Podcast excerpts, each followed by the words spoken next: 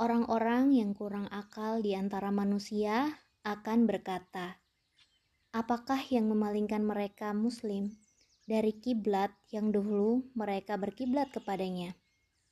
Katakanlah, Muhammad, milik Allah lah timur dan barat. Dia memberi petunjuk kepada siapa yang Dia kehendaki ke jalan yang lurus.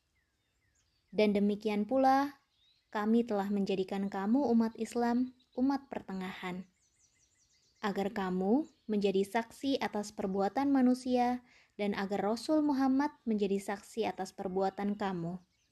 Kami tidak menjadikan kiblat yang dahulu kamu berkiblat kepadanya, melainkan agar kami mengetahui siapa yang mengikuti Rasul dan siapa yang berbalik ke belakang. Sungguh, pemindahan kiblat itu sangat berat, kecuali bagi orang yang telah diberi petunjuk oleh Allah dan Allah tidak akan menyia-nyiakan imanmu. Sungguh, Allah Maha Pengasih, Maha Penyayang kepada manusia.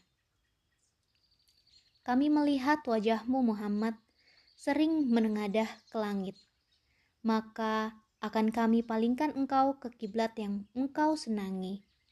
Maka hadapkanlah wajahmu ke arah Masjidil Haram. Dan di mana saja engkau berada, hadapkanlah wajahmu ke arah itu. Dan sesungguhnya, orang-orang yang diberi kitab Taurat dan Injil tahu bahwa pemindahan kiblat itu adalah kebenaran dari Tuhan mereka. Dan Allah tidak lengah terhadap apa yang mereka kerjakan.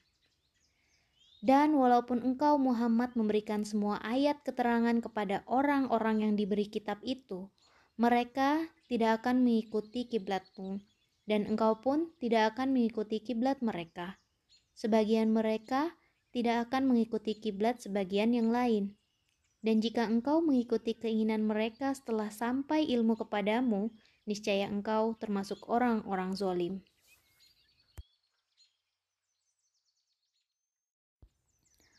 Orang-orang yang telah kami beri kitab Taurat dan Injil mengenalnya Muhammad seperti mereka mengenal anak-anak mereka sendiri. Sesungguhnya, sebagian mereka pasti menyembunyikan kebenaran, padahal mereka mengetahuinya. Kebenaran itu dari Tuhanmu, maka janganlah sekali-kali engkau Muhammad termasuk orang-orang yang ragu. Dan setiap umat mempunyai kiblat yang dia menghadap kepadanya. Maka berlomba-lombalah kamu dalam kebaikan. Di mana saja kamu berada, pasti Allah akan mengumpulkan kamu semuanya. Sungguh, Allah Maha Kuasa atas segala sesuatu. Dan dari mana pun engkau Muhammad keluar, hadapkanlah wajahmu ke arah Masjidil Haram. Sesungguhnya itu benar-benar ketentuan dari Tuhanmu.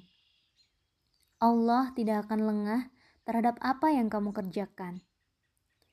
Dan dari mana pun engkau Muhammad keluar, maka hadapkanlah wajahmu ke arah Masjidil Haram.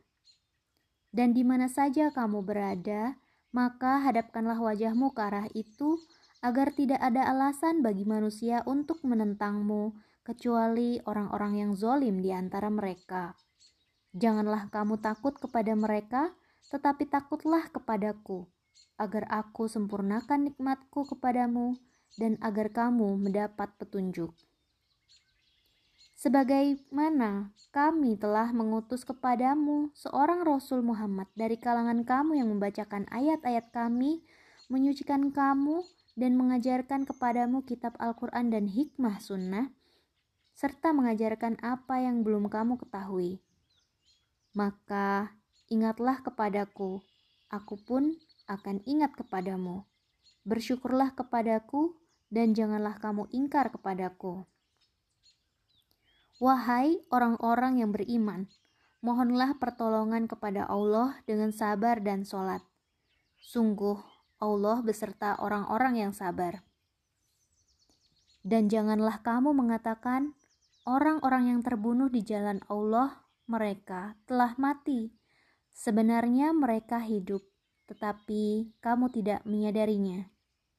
Dan kami pasti akan menguji kamu dengan sedikit ketakutan, kelaparan, kekurangan, harta, jiwa, dan buah-buahan. dan sampaikanlah kabar gembira kepada orang-orang yang sabar, yaitu orang-orang yang apabila ditimpa musibah, mereka berkata, Inna lillahi wa inna ilaihi roji'un. Sesungguhnya kami milik Allah dan kepadanya lah kami kembali. Mereka itulah yang memperoleh ampunan dan rahmat dari Tuhannya, dan mereka itulah orang-orang yang mendapat petunjuk. Sesungguhnya, Safa dan Marwah merupakan sebagian syiar agama Allah. Maka, barang siapa beribadah haji ke Baitullah atau berumroh, tidak ada dosa baginya mengerjakan sa'i antara keduanya. Dan barang siapa dengan kerelaan hati mengerjakan kebajikan, maka Allah Maha mensyukuri, Maha mengetahui. Sungguh, orang-orang yang menyembunyikan apa yang telah kami turunkan berupa keterangan-keterangan dan petunjuk setelah kami jelaskan kepada manusia dalam kitab Al-Quran, mereka itulah yang dilaknat Allah dan dilaknat pula oleh mereka yang melaknat. Kecuali mereka yang telah bertobat, mengadakan perbaikan, dan menjelaskannya. Mereka itulah yang aku terima tobatnya dan akulah yang maha penerima tobat, maha penyayang. Sungguh, orang-orang yang kafir dan mati dalam keadaan kafir, mereka itu mendapat laknat Allah, para malaikat dan manusia seluruhnya. Mereka kekal di dalamnya laknat, tidak akan diringinkan azabnya, dan mereka tidak diberi penangguhan. Dan Tuhan kamu adalah Tuhan yang Maha Esa. Tidak ada Tuhan selain Dia, yang Maha Pengasih, Maha Penyayang. Sesungguhnya, pada penciptaan langit dan bumi, pergantian malam dan siang, kapal yang berlayar di laut dengan muatan yang bermanfaat bagi manusia, apa yang diturunkan Allah dari langit berupa air, Lalu dengan itu dihidupkannya bumi setelah mati kering dan dia tebarkan di dalamnya bermacam-macam binatang dan perkisaran angin dan awan yang dikendalikan antara langit dan bumi. Semua itu sungguh merupakan tanda-tanda kebesaran Allah bagi orang-orang yang mengerti. Dan di antara manusia, ada orang yang menyembah Tuhan selain Allah sebagai tandingan yang mereka cintai seperti mencintai Allah. Adapun orang-orang yang beriman sangat besar cintanya kepada Allah. Sekiranya orang-orang yang berbuat zolim itu melihat, ketika mereka melihat azab pada hari kiamat, bahwa kekuatan itu semuanya milik Allah dan bahwa Allah sangat berat azabnya, niscaya mereka menyesal. Yaitu ketika orang-orang yang diikuti berlepas tangan dari orang-orang yang mengikuti dan mereka melihat azab, dan ketika segala hubungan antara mereka terputus. Dan orang-orang yang mengikuti berkata, "Sekiranya kami mendapat kesempatan kembali ke dunia, tentu kami akan berlepas tangan dari mereka, sebagaimana mereka berlepas tangan dari kami." Demikianlah Allah memperlihatkan kepada mereka perbuatan mereka yang menjadi penyesalan mereka, dan mereka tidak akan keluar dari api neraka. Wahai manusia, makanlah dari makanan yang halal dan baik yang terdapat di bumi, dan janganlah kamu mengikuti langkah-langkah setan. Sungguh, setan itu musuh yang nyata bagimu. Sesungguhnya, setan itu hanya menyuruh kamu agar berbuat jahat dan keji, dan mengatakan apa yang tidak kamu ketahui tentang Allah. Dan apabila dikatakan kepada mereka, "Ikutilah apa yang telah diturunkan Allah," mereka menjawab, "Tidak, kami mengikuti apa yang kami dapati pada nenek moyang kami melakukannya." Padahal nenek moyang mereka itu tidak mengetahui apa pun dan tidak mendapat petunjuk. Dan Perumpamaan bagi penyeru orang yang kafir adalah seperti penggembala yang meneriaki binatang yang tidak mendengar selain panggilan dan teriakan. Mereka tuli, bisu, dan buta, maka mereka tidak mengerti. Wahai orang-orang yang beriman, makanlah dari rezeki yang baik yang kami berikan kepadamu dan bersyukurlah kepada Allah jika kamu hanya menyembah kepadanya. Sesungguhnya, dia hanya mengharamkan atasmu bangkai, darah, daging babi, dan daging hewan yang disembelih dengan menyebut nama selain Allah. Tetapi barang siapa terpaksa memakannya bukan karena menginginkannya dan tidak pula melampaui batas, maka tidak ada dosa baginya. Sungguh Allah Maha Pengampun, Maha Penyayang.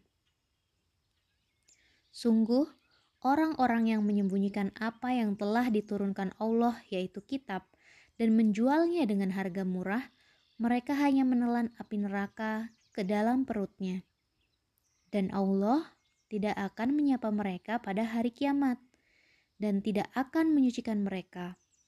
Mereka akan mendapat azab yang sangat pedih. Mereka itulah yang membeli kesesatan dengan petunjuk dan azab dengan ampunan. Maka alangkah beraninya mereka menentang api neraka. Yang demikian itu karena Allah telah menurunkan kitab Al-Quran dengan membawa kebenaran dan sesungguhnya orang-orang yang berselisih paham tentang kebenaran kitab itu mereka dalam perpecahan yang jauh.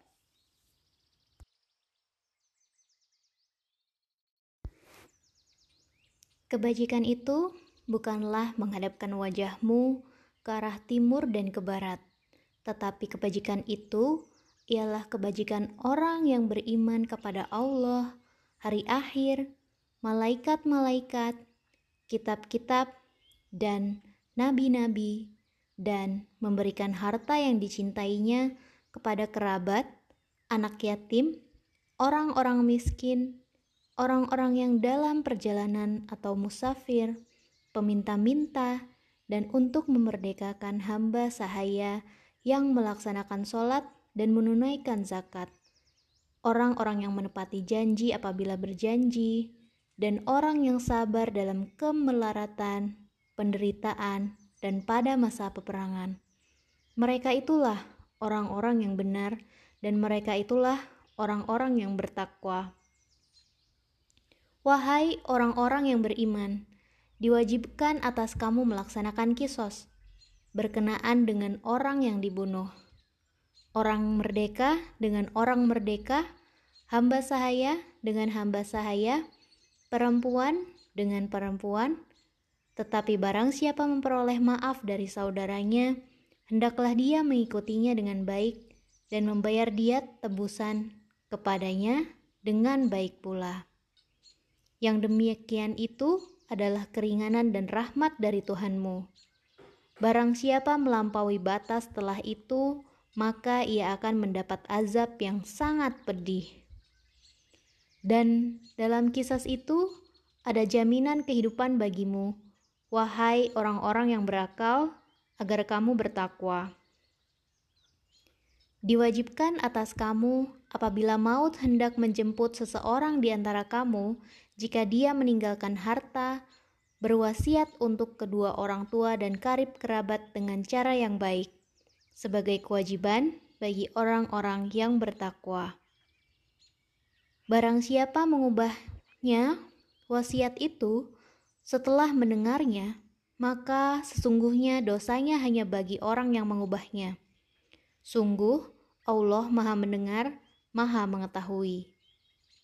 Tetapi barang siapa khawatir bahwa pemberi wasiat berlaku berat sebelah atau berbuat salah, lalu dia mendamaikan di antara mereka, maka dia tidak berdosa.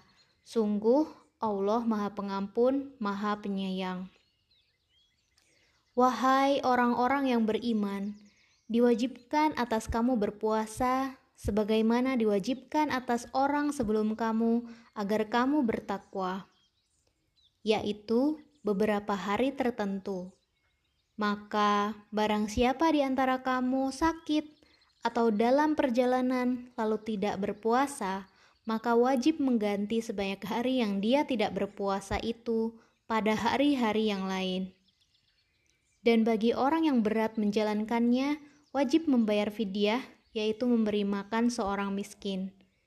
Tetapi barang siapa dengan kerelaan hati mengerjakan kebajikan, maka itu lebih baik baginya.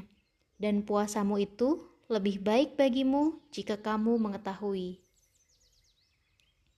Bulan Ramadan adalah bulan yang di dalamnya diturunkan Al-Quran sebagai petunjuk bagi manusia dan penjelasan-penjelasan mengenai petunjuk itu dan pembeda antara yang benar dan yang batil. Karena itu, barang siapa di antara kamu ada di bulan itu, maka berpuasalah. Dan barang siapa sakit atau dalam perjalanan dia tidak berpuasa, maka wajib menggantinya sebanyak hari yang ditinggalkannya itu pada hari-hari yang lain. Allah menghendaki kemudahan bagimu dan tidak menghendaki kesukaran bagimu. Hendaklah kamu mencukupkan bilangannya dan mengagungkan Allah atas petunjuknya yang diberikan kepadamu agar kamu bersyukur. Dan apabila hamba-hambaku bertanya kepadamu Muhammad tentang aku, maka sesungguhnya aku dekat. Aku kabulkan permohonan orang yang berdoa apabila dia berdoa kepadaku. Hendaklah mereka itu memenuhi perintahku dan beriman kepadaku agar mereka memperoleh kebenaran. Dihalalkan bagimu pada malam hari puasa bercampur dengan istrimu. Mereka adalah pakaian bagimu, dan kamu adalah pakaian bagi mereka. Allah mengetahui bahwa kamu tidak dapat menahan dirimu sendiri, tetapi Dia menerima tobatmu dan memaafkan kamu. Maka sekarang campurilah mereka dan carilah apa yang telah ditetapkan Allah bagimu. Makan dan minumlah hingga jelas bagimu perbedaan antara benang putih dan benang hitam, yaitu fajar. Kemudian, Sempurnakanlah puasa sampai datang malam, tetapi jangan kamu campuri mereka ketika kamu beritikaf dalam masjid. Itulah ketentuan Allah, maka janganlah kamu mendekatinya. Demikianlah Allah menerangkan ayat-ayatnya kepada manusia agar mereka bertakwa. Dan janganlah kamu makan harta di antara kamu dengan jalan yang batil, dan janganlah kamu menyuap dengan harta itu kepada para hakim dengan maksud agar kamu dapat memakan sebagian harta orang lain itu dengan jalan dosa, padahal kamu mengetahui. Mereka bertanya kepadamu Muhammad tentang bulan sabit.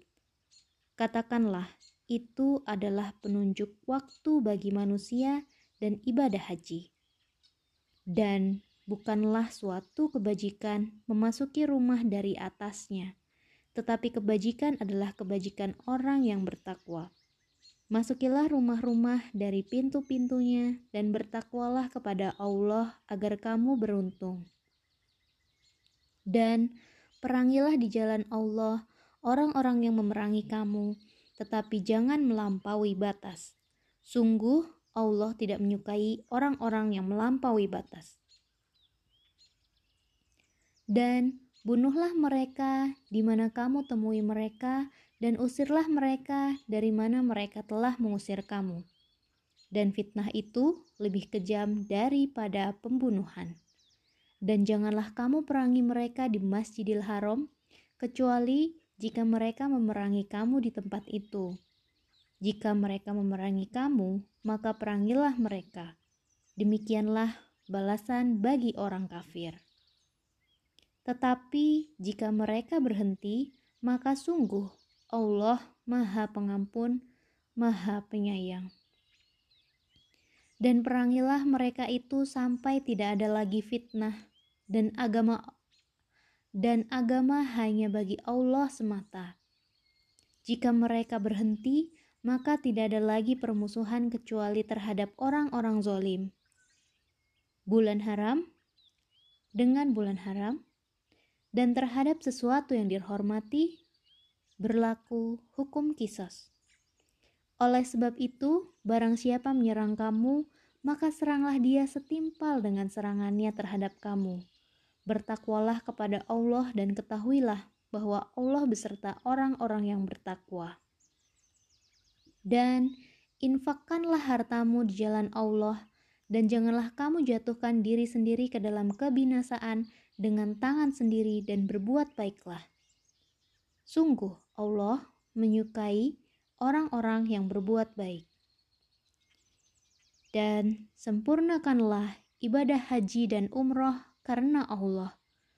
Tetapi jika kamu terkepung oleh musuh, maka sembelihlah hadyu yang mudah didapat dan jangan kau mencukur rambut kepalamu sebelum hadyu sampai di tempat penyembelihannya. Jika ada di antara kamu yang sakit atau ada gangguan di kepalanya, lalu dia bercukur, maka dia wajib berfidyah, yaitu berpuasa, bersedekah, atau berkurban. Apabila kamu dalam keadaan aman, maka barang siapa mengerjakan umroh sebelum haji, dia wajib menyembelih hadiu yang mudah didapat. Tetapi jika dia tidak mendapatkannya, maka dia wajib berpuasa tiga hari dalam musim haji dan tujuh hari setelah kamu kembali. Itu seluruhnya sepuluh hari. Demikian itu bagi orang yang keluarganya tidak ada tinggal di sekitar Masjidil Haram. Bertakwalah kepada Allah dan ketahuilah bahwa Allah sangat keras hukumannya.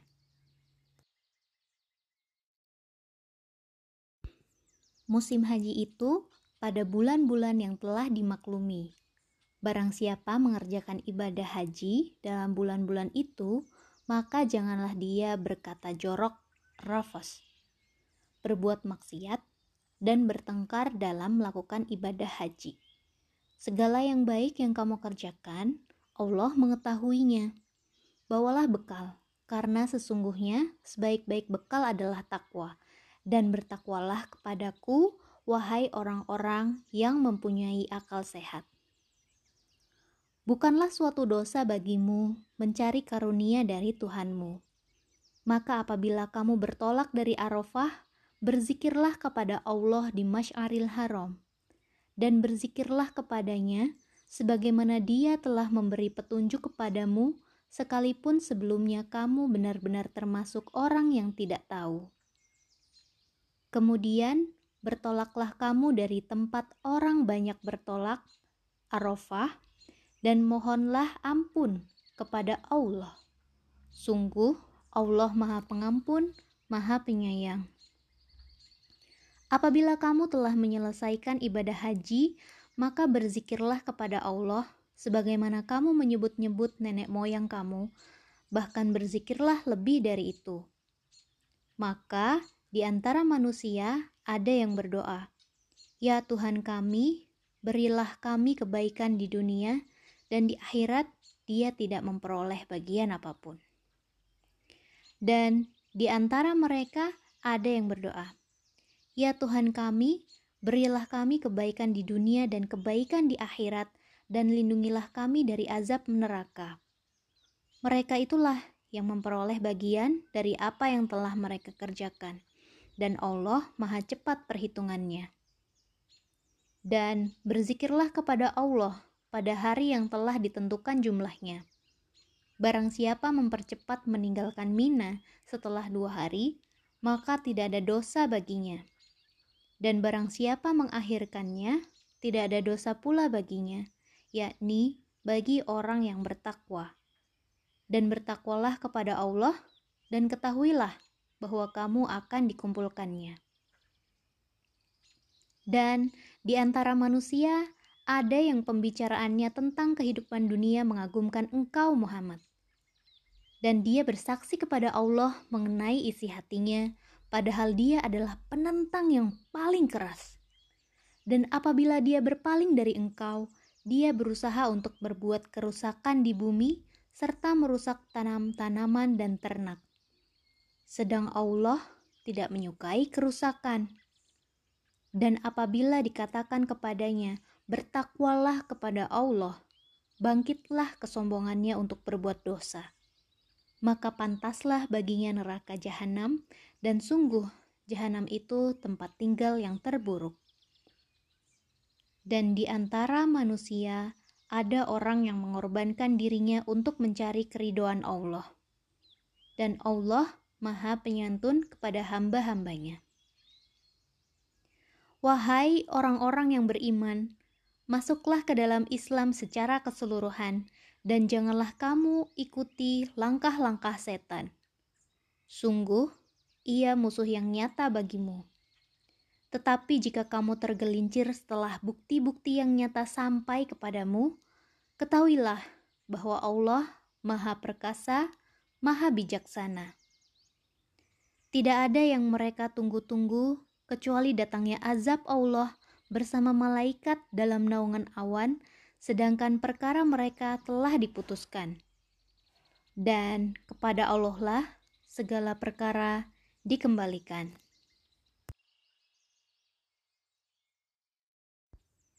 Tanyakanlah kepada Bani Israel, berapa banyak bukti nyata yang telah kami berikan kepada mereka. Barang siapa menukar nikmat Allah setelah nikmat itu datang kepadanya, maka sungguh Allah sangat keras hukumannya. Kehidupan dunia dijadikan terasa indah dalam pandangan orang-orang yang kafir, dan mereka menghina orang-orang yang beriman Padahal orang-orang yang bertakwa itu berada di atas mereka pada hari kiamat. Dan Allah memberi rezeki kepada orang yang Dia kehendaki tanpa perhitungan.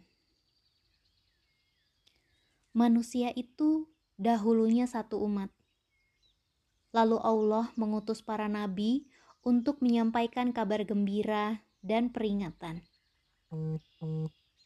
dan diturunkannya bersama mereka kitab yang mengandung kebenaran untuk memberi keputusan di antara manusia tentang perkara yang mereka perselisihkan. Dan yang berselisih hanyalah orang-orang yang telah diberi kitab setelah bukti-bukti yang nyata sampai kepada mereka karena kedengkian di antara mereka sendiri. Maka dengan kehendaknya, Allah memberi petunjuk kepada mereka yang beriman tentang kebenaran yang mereka perselisihkan. Allah memberi petunjuk kepada siapa yang Dia kehendaki ke jalan yang lurus. Ataukah kamu mengira bahwa kamu akan masuk surga, padahal belum datang kepadamu cobaan seperti yang dialami orang-orang terdahulu sebelum kamu? Mereka ditimpa kemelaratan, penderitaan, dan diguncang dengan berbagai cobaan, sehingga Rasul dan orang-orang yang beriman bersamanya berkata, "Kapankah datang pertolongan Allah?" Ingatlah, sesungguhnya pertolongan Allah itu dekat. Mereka bertanya kepadamu, Muhammad, tentang apa yang harus mereka infakkan. Katakanlah, harta apa saja yang kamu infakkan hendaknya diperuntukkan bagi kedua orang tua, kerabat, anak yatim, orang miskin, dan orang yang dalam perjalanan. Dan kebaikan apa saja yang kamu kerjakan, maka sesungguhnya Allah Maha Mengetahui. Diwajibkan atas kamu berperang, padahal itu tidak menyenangkan bagimu. Tetapi boleh jadi kamu tidak menyenangi sesuatu, padahal itu baik bagimu. Dan boleh jadi kamu menyukai sesuatu, padahal itu tidak baik bagimu. Allah mengetahui, sedang kamu tidak mengetahui.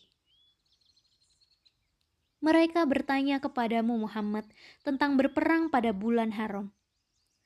Katakanlah, berperang dalam bulan itu adalah dosa besar tetapi menghalangi orang dari jalan Allah, ingkar kepadanya, menghalangi orang masuk Masjidil Haram, dan mengusir penduduk dari sekitarnya, lebih besar dosanya dalam pandangan Allah. Sedangkan fitnah lebih kejam daripada pembunuhan. Mereka tidak akan berhenti memerangi kamu sampai kamu murtad keluar dari agamamu jika mereka sanggup. Barang siapa murtad di antara kamu dari agamanya, lalu dia mati dalam kekafiran, maka mereka itu sia-sia amalnya di dunia dan di akhirat, dan mereka itulah penghuni neraka. Mereka kekal di dalamnya.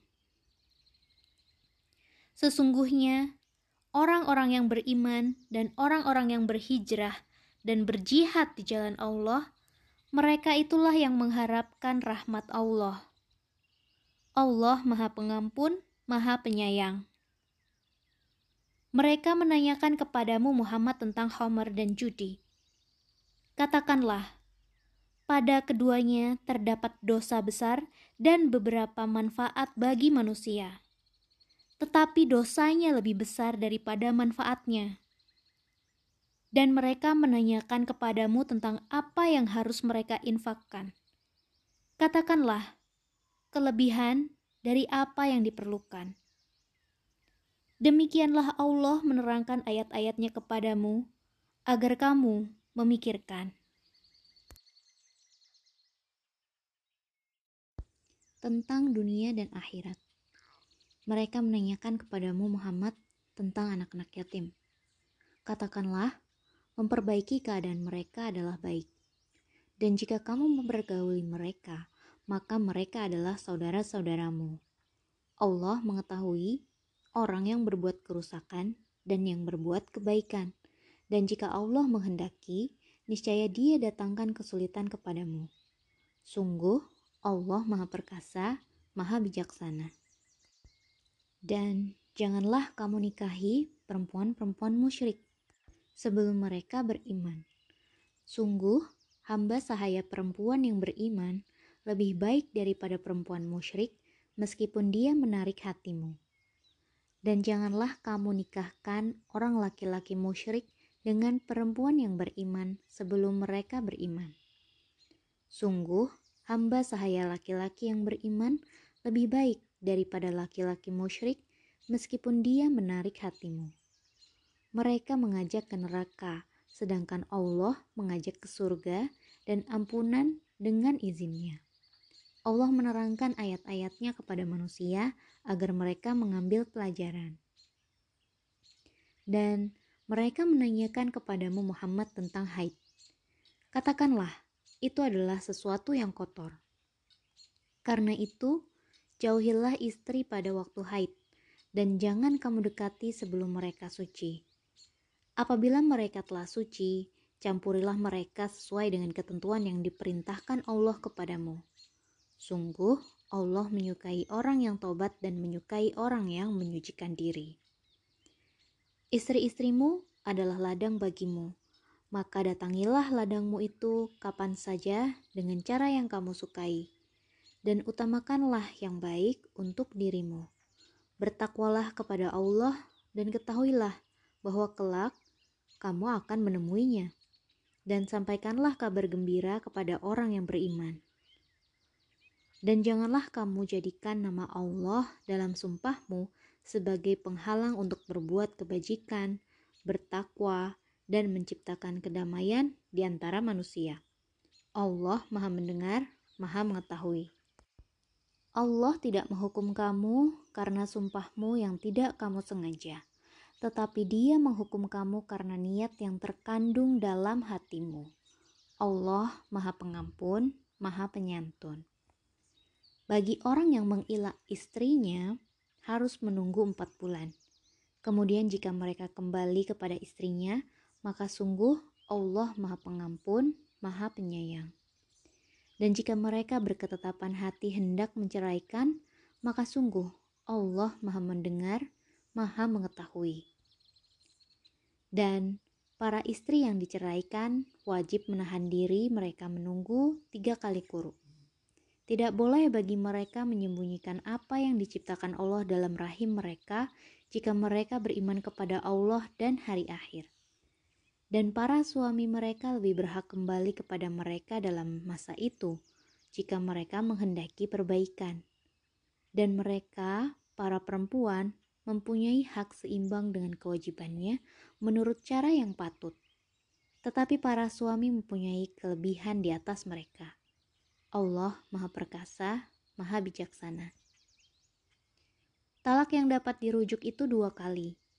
Setelah itu, suami dapat menahan dengan baik atau melepaskan dengan baik. Tidak halal bagi kamu mengambil kembali sesuatu yang telah kamu berikan kepada mereka, kecuali keduanya, suami dan istri, khawatir tidak mampu menjalankan hukum-hukum Allah.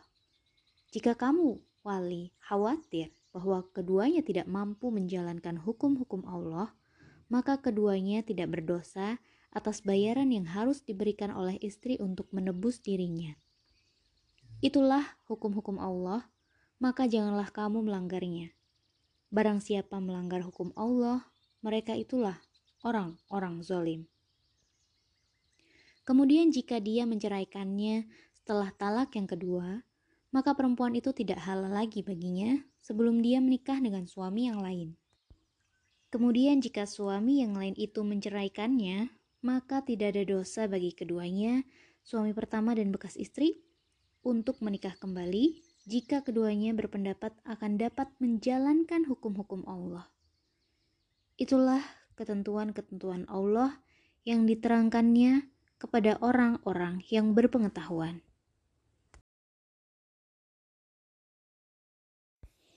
Dan apabila kamu menceraikan istri-istri kamu, lalu sampai akhir idahnya, maka tahanlah mereka dengan cara yang baik, atau ceraikanlah mereka dengan cara yang baik pula.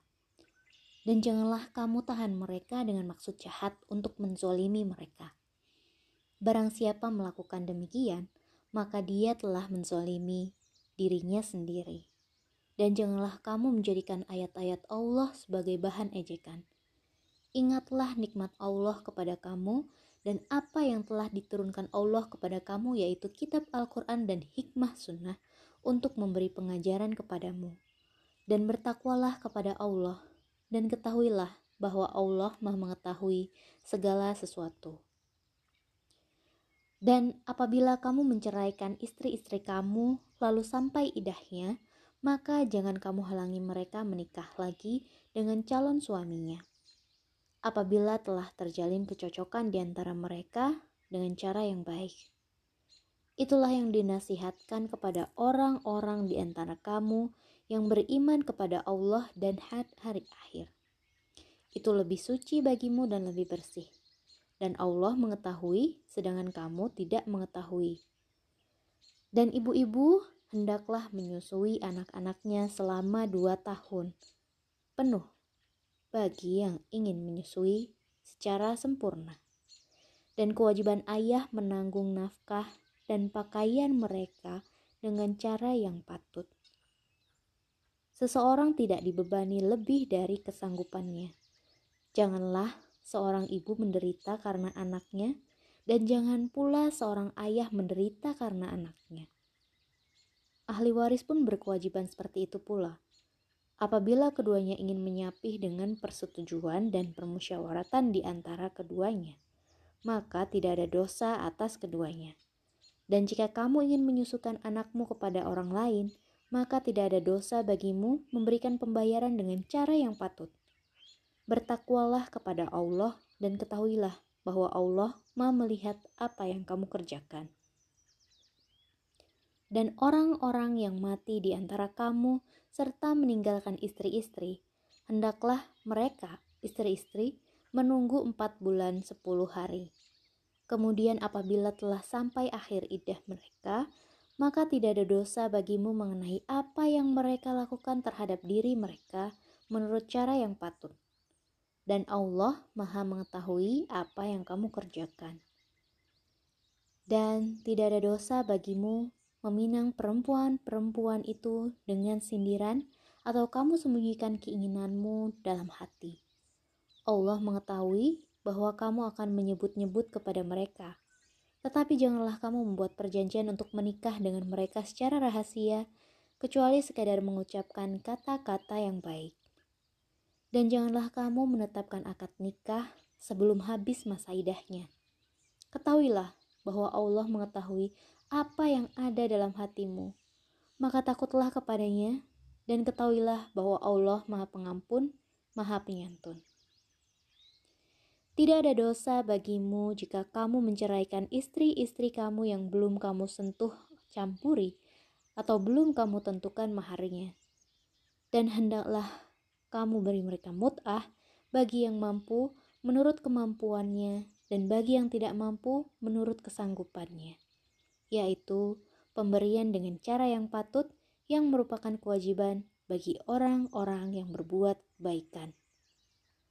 Dan jika kamu menceraikan mereka sebelum kamu sentuh campuri, padahal kamu sudah menentukan maharnya, maka bayarlah seperdua dari yang telah kamu tentukan, kecuali jika mereka membebaskan atau dibebaskan oleh orang yang akad nikah ada di tangannya. Pembebasan itu lebih dekat kepada takwa. Dan janganlah kamu lupa kebaikan di antara kamu. Sungguh, Allah Maha Melihat apa yang kamu kerjakan.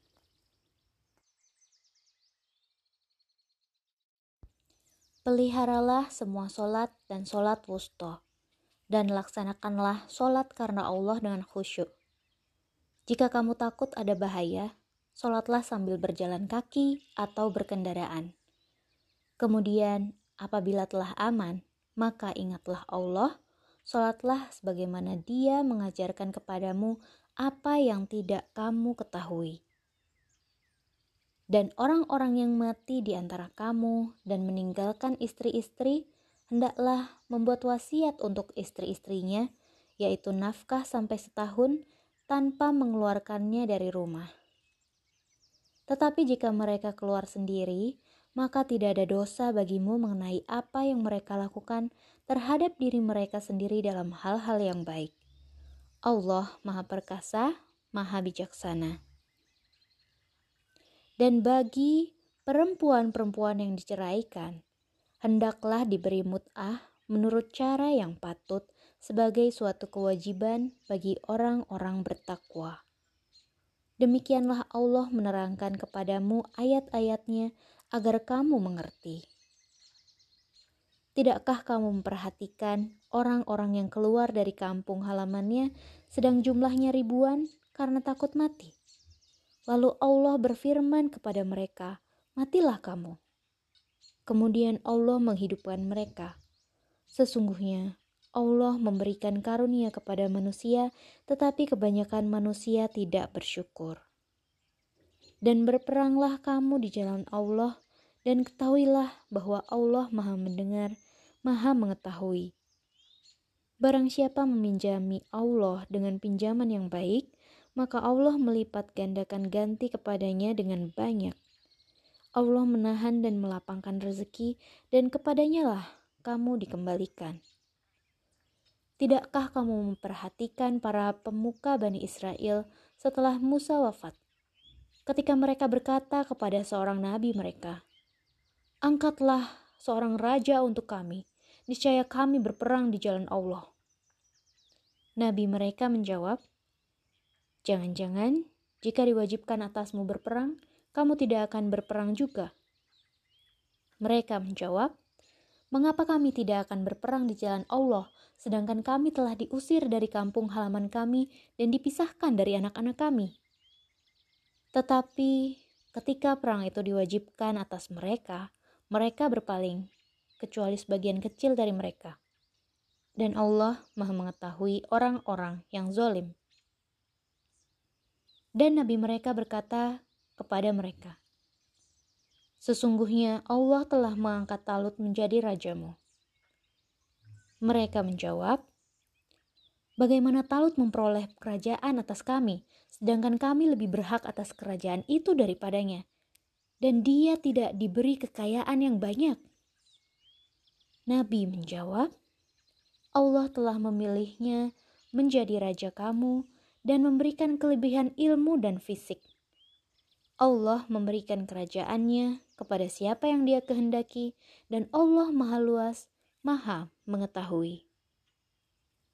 Dan nabi mereka berkata kepada mereka, Sesungguhnya tanda kerajaannya ialah datangnya tabut kepadamu yang di dalamnya terdapat ketenangan dari Tuhanmu, dan sisa peninggalan keluarga Musa dan keluarga Harun yang dibawa oleh malaikat.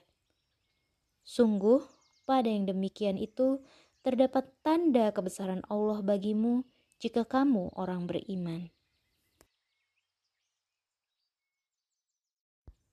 Maka ketika Talut membawa bala tentaranya, dia berkata, Allah akan menguji kamu dengan sebuah sungai.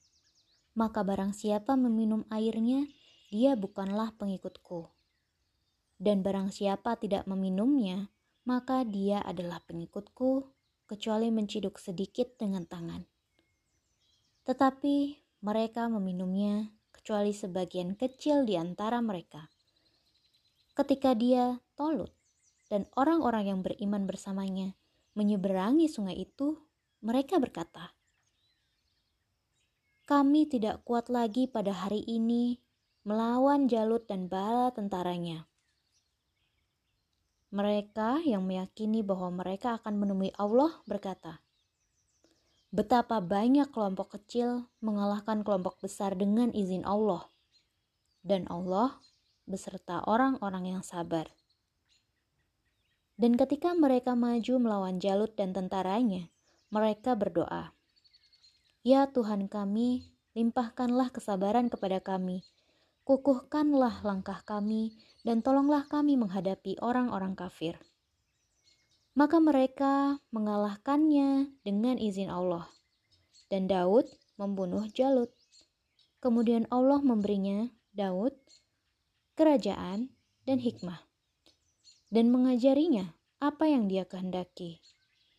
Dan kalau Allah tidak melindungi sebagian manusia dengan sebagian yang lain, niscaya rusaklah bumi ini. Tetapi Allah mempunyai karunia yang dilimpahkannya atas seluruh alam. Itulah ayat-ayat Allah kami bacakan kepadamu dengan benar, dan engkau Muhammad adalah benar-benar seorang Rasul.